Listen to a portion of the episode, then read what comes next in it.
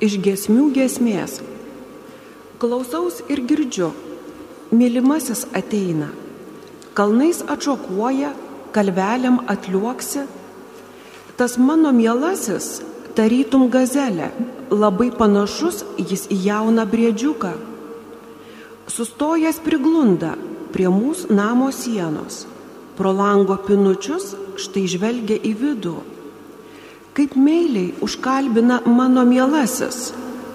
Ateik, o brangioji, o mano gražuolė.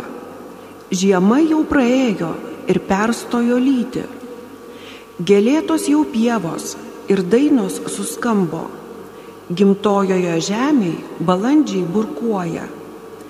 Jau pumpurus kleidžia vaisingosios figos.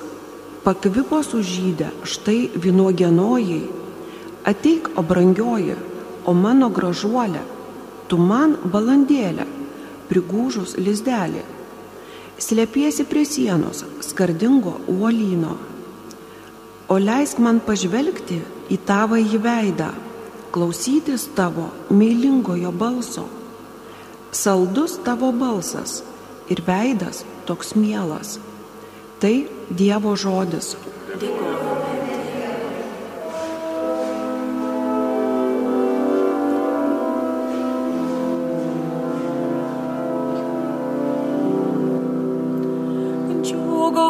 Viešpačiui teikdami šlovę teisėjai. Gėdokite giesmę jam naują. Džiugaukit viešpačiui teikdami šlovę teisėjai. Gėdokite giesmę jam naują.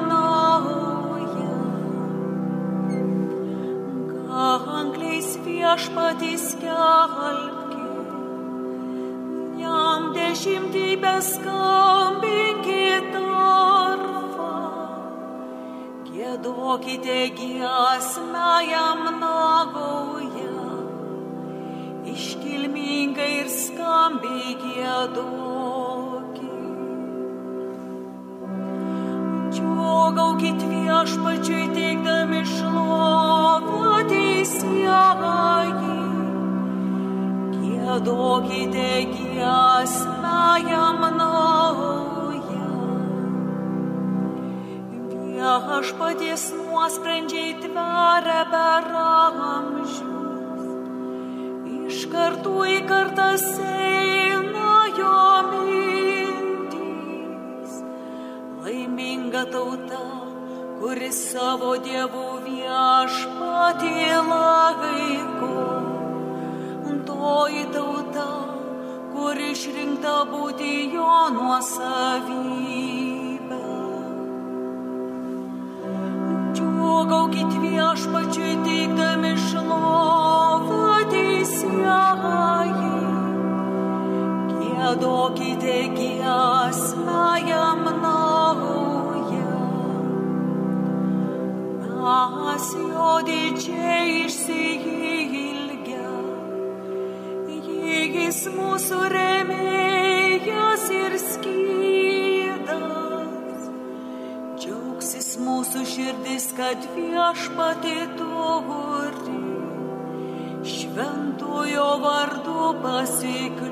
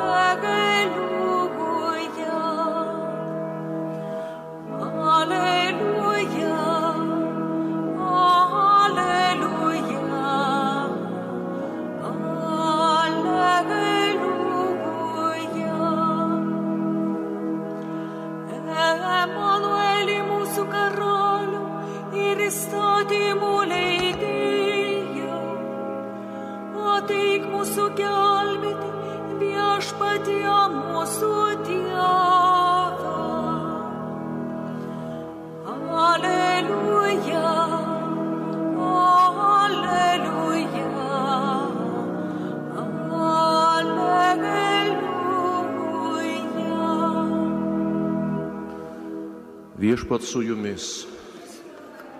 Pasiklausykite Šventojios Evangelijos pagal Lūkam. Tomis dienomis Marija, susiruošusi skubiai iškeliavo į Judėjos kalnyno miestą. Įnuėjo į Zacharijo namus ir pasveikino Elsbietą.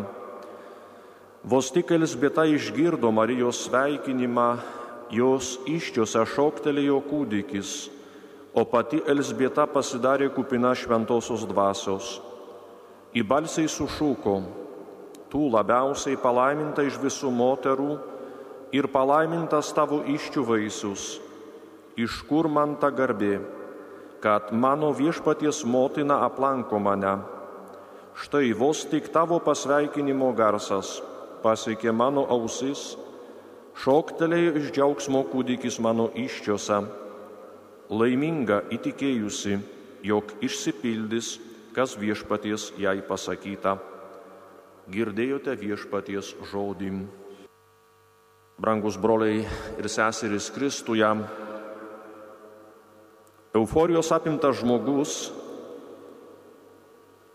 elgesi dviejopai, šaukia iš džiaugsmo arba dainuoja.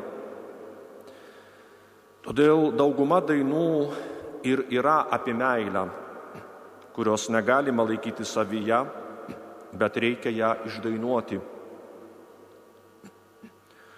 Šiandienos žodžių liturgija taip pat yra kupina džiaugsmo ir meilės.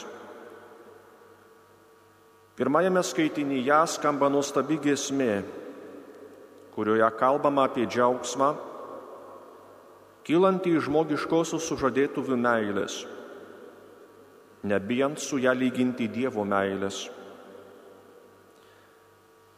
Džiaugsmą, kad viešpats arti, kad artėja susivienijimo su juo metas,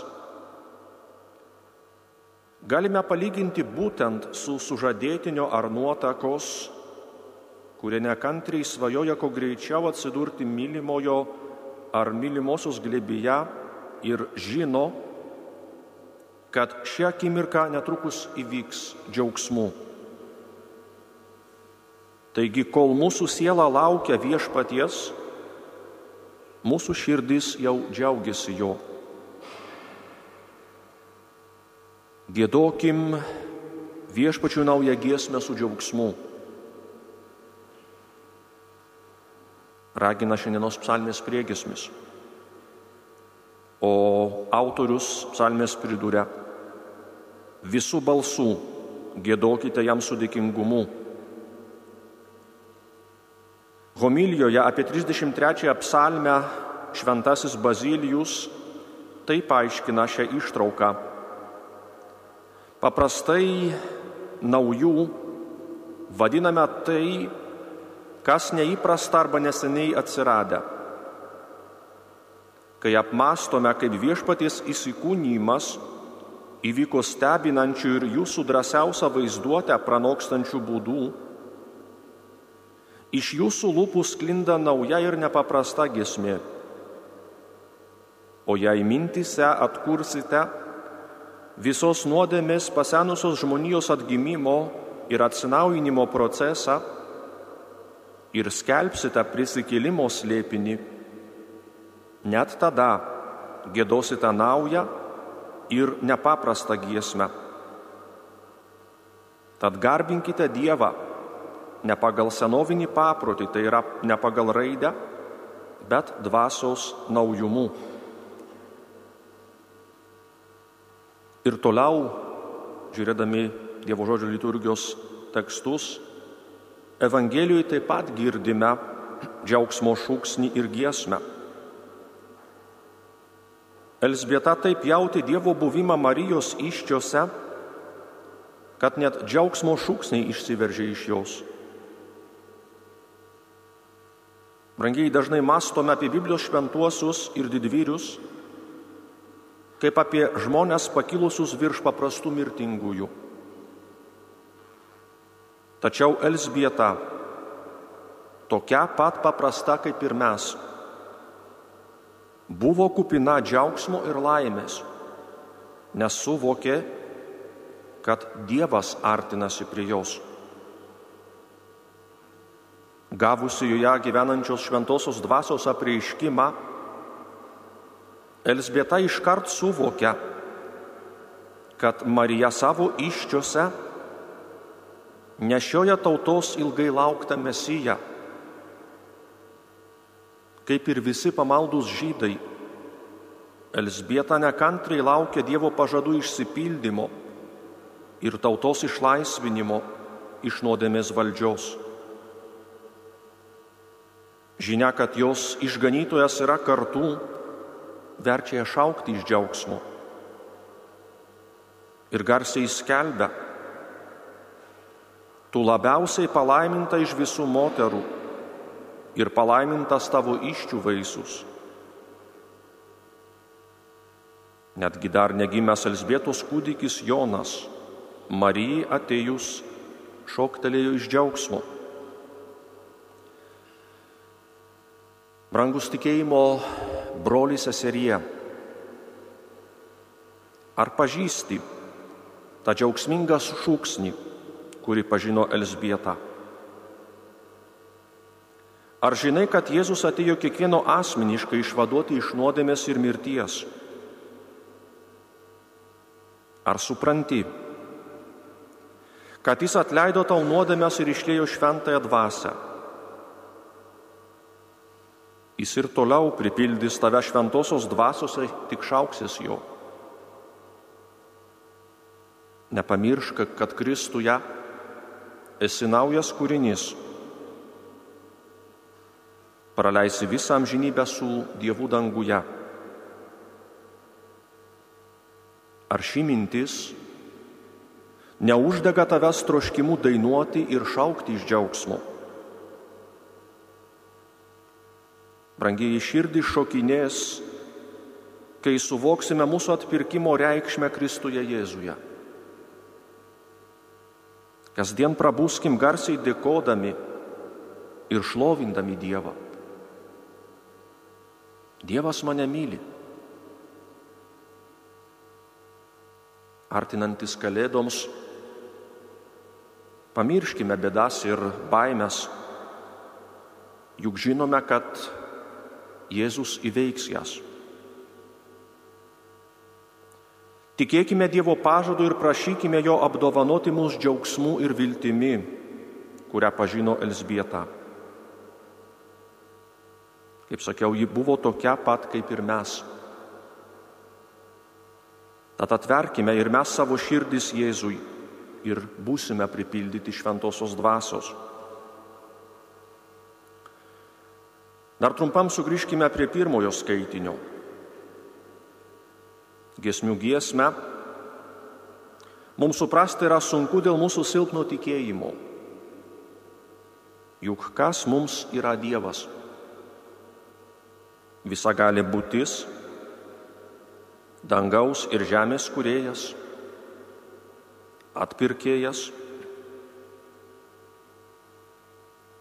Kaip žinia, kiekvienas iš šių terminų turi savo gilų turinį. Bet ar jie gali paskatinti mūsų tikėjimą, kuris dažnai lieka tik proto lygmenyje? Juk tikėjimas dažnai suvokiamas kaip sudėtingai sukonstruota intelektinė sistema. Bet ar ji pakankamai stipri, kad paskatintų mūsų valią, jau nekalbant apie mūsų meilės užsidegimą. Galbūt mes stengiamės praktiškai gyvendinti savo tikėjimą, dažnai net su sunkumais ir pastangomis, bet ar tai jau yra meilė? Brangiai tai, kas žavi mūsų šventųjų gyvenime, tai jų meilė. Jų tikėjimas virsta meilę, įtampa jų gyvenimo variklių, o meilės uždegtas tikėjimas žavi kitus. Tačiau Senojo testamento giesmių giesmė nėra vien tik poetinis kūrinys, kuriame aprašomas tarp asmeninės meilės grožis. Jame įkvėptasis autorius aprašė Dievo meilę žmogui. Juk Dievas yra meilė. Dievo širdies troškimas yra dovanoti save žmogui. Juk būtent iš meilės žmogui, kuriejas sukūrė visą pasaulį, kad padarytų jį patogią vietą gyventi ir aukti šventume. Šios dieviškosios meilės nesunaikino net mūsų pirmųjų tėvų nepaklusnumo nuodėmė. Šioje vietoje norėčiau pristatyti italų gydytojo šventosios Joanos Beretos Mola gyvenimo pavyzdį. 1949 metais baigusi medicinos ir chirurgijos studijas, Joana atidarė kliniką netoli Magentos. Kitais metais jis specializavosi pediatrijos srityje Milano universitete kur vėliau atliko savo medicininę praktiką. Čia jį taip pat susipažino su inžinieriumi Peteriu Mola. Ir labai įsimylėjo. Kita diena po to, kai nusprendė susižadėti, Joana parašė Petrui tokį laišką. Labai norėčiau padaryti tave laimingą ir būti tokia žmona, kokios tu nori gera, supratinga ir pasirengusi aukotis dėl visko, ko iš mūsų pareikalaus gyvenimas. 1955 metais Jona ir Petras susitokė. Jie buvo darbštus, linksmi ir laimingi žmonės. Jie stengiasi kuo daugiau laiko praleisti kartu Jie vaikščiojo po kalnus, slėdinėjo, mėgavosi koncertais ir teatro spektakliais. Joana domėjusi mada, skaitė žurnalus, kad neatsiliktų nuo naujovių. Ji buvo elegantiška ir prižiūrėta moteris. Įmokėjo vairuoti automobilį, kas tais laikais buvo neįprasta moterims. Kartu jie norėjo susilaukti būrio vaikų. 1961 metais, kai turėjo gimti ketvirtas vaikas, paaiškėjo, kad Joana turi fibromą. Gydytojai pasiūlė pašalinti auglį kartu su gimda, tačiau tai reiškė vaiko mirtį. Joana nusprendė, Jei reikės rinktis tarp manęs ir kūdikio, nedvėjoti. Reikalauju, kad pasirinktumėte kūdikį. Nepaisydama vadinamųjų medicininių indikacijų, išnešiojo neštumą iki galo. Ir taip 1962 m. balandžio 21 d. gimė Džanna Emanuela. Nepaisant gydytojų pastangų, Joana Mola mirė didelėse kančiuose. Jai buvo 39 metai. Tiesioginė mirties priežastis buvo peritonitas. Jos vyras Peteris Mola sakė, kad suprastume jos sprendimą reikia prisiminti jos gilų įsitikinimą kaip motinos ir kaip gydytojos, kad vaikas, kurį nešiojo savyje, yra būtybė, turinti tokias pačias teisės kaip ir kiti vaikai, nors nuo jos pastojimo buvo praėję tik du mėnesiai. Jos vyras, šeima draugai ir pacientai, kuriems jį tarnavo, prisimena ją kaip gražią, gerą ir nuostabią moterį, kupiną gyvenimo. Popiežius Jonas Paulius II ją paskelbė palaimintąją, o vėliau paskelbė šventąją, kanonizavo. Ceremonijoje dalyvavo Joanos vyras ir visi jos vaikai. Brangieji, galbūt moteris neparašė didžiausių literatūros kūrinių ar nenutapė iškiliausių tapybos darbų, tačiau jos užaugino visus didžiausius pasaulio talentus. Nepriklausomai nuo laiko ar geografinės platumos, jos visos vienodai myli savo vaikus. Šiandienos liturgija, nors ir Advento laukimo liturgija, yra kupina džiaugsmo, kad artėja tas, kurio laukiame. Bet ar tik šiame priešventiniam šurmuly tai prisimenam? Laukiame kalėdų ir Jėzus tikisi, kad joms ruošimės apvalydami savo širdis nuo nuodėmių, kad niekas netrukdytų mums susitikti su juo. Tad norėčiau užbaigti šį pamastymą maldos žodžiais, maldos į šventąją dvasę, ypač tiems, kurie nedrįsta prieiti iš pažinties, galbūt ruošiasi, tegul šventoji dvasia padeda pažinti, galbūt tai, tai ko netgi nelaikom nuodėme, kad tai yra iš tikrųjų blogis ir jis apsunkina mūsų gyvenimą. Ateik šventoji dvasia, šviesos ir tiesos dvasia, kur, kuri prasiskverbi į žmogaus širdies gelmes, nuo kurios nieko, niekas nėra paslėpta. Ateik ir apšviesk mūsų protus, kad prisimintume savo nuodėmes ir suvoktume jų nedorumą. Padaryk jautres mūsų širdis, kad nuoširdžiai atgailautume dėl šių nuodėmių ir sustiprink mūsų valią, kad pasiryštume pasitaisyti. Švenčiausiai mergelė, šventasis Angelė Sargė ir visi mūsų šventieji globėjai, suteikite mums malonių reikalingų pažinti, kuo įžeidėme švenčiausiai Dievą. Amen.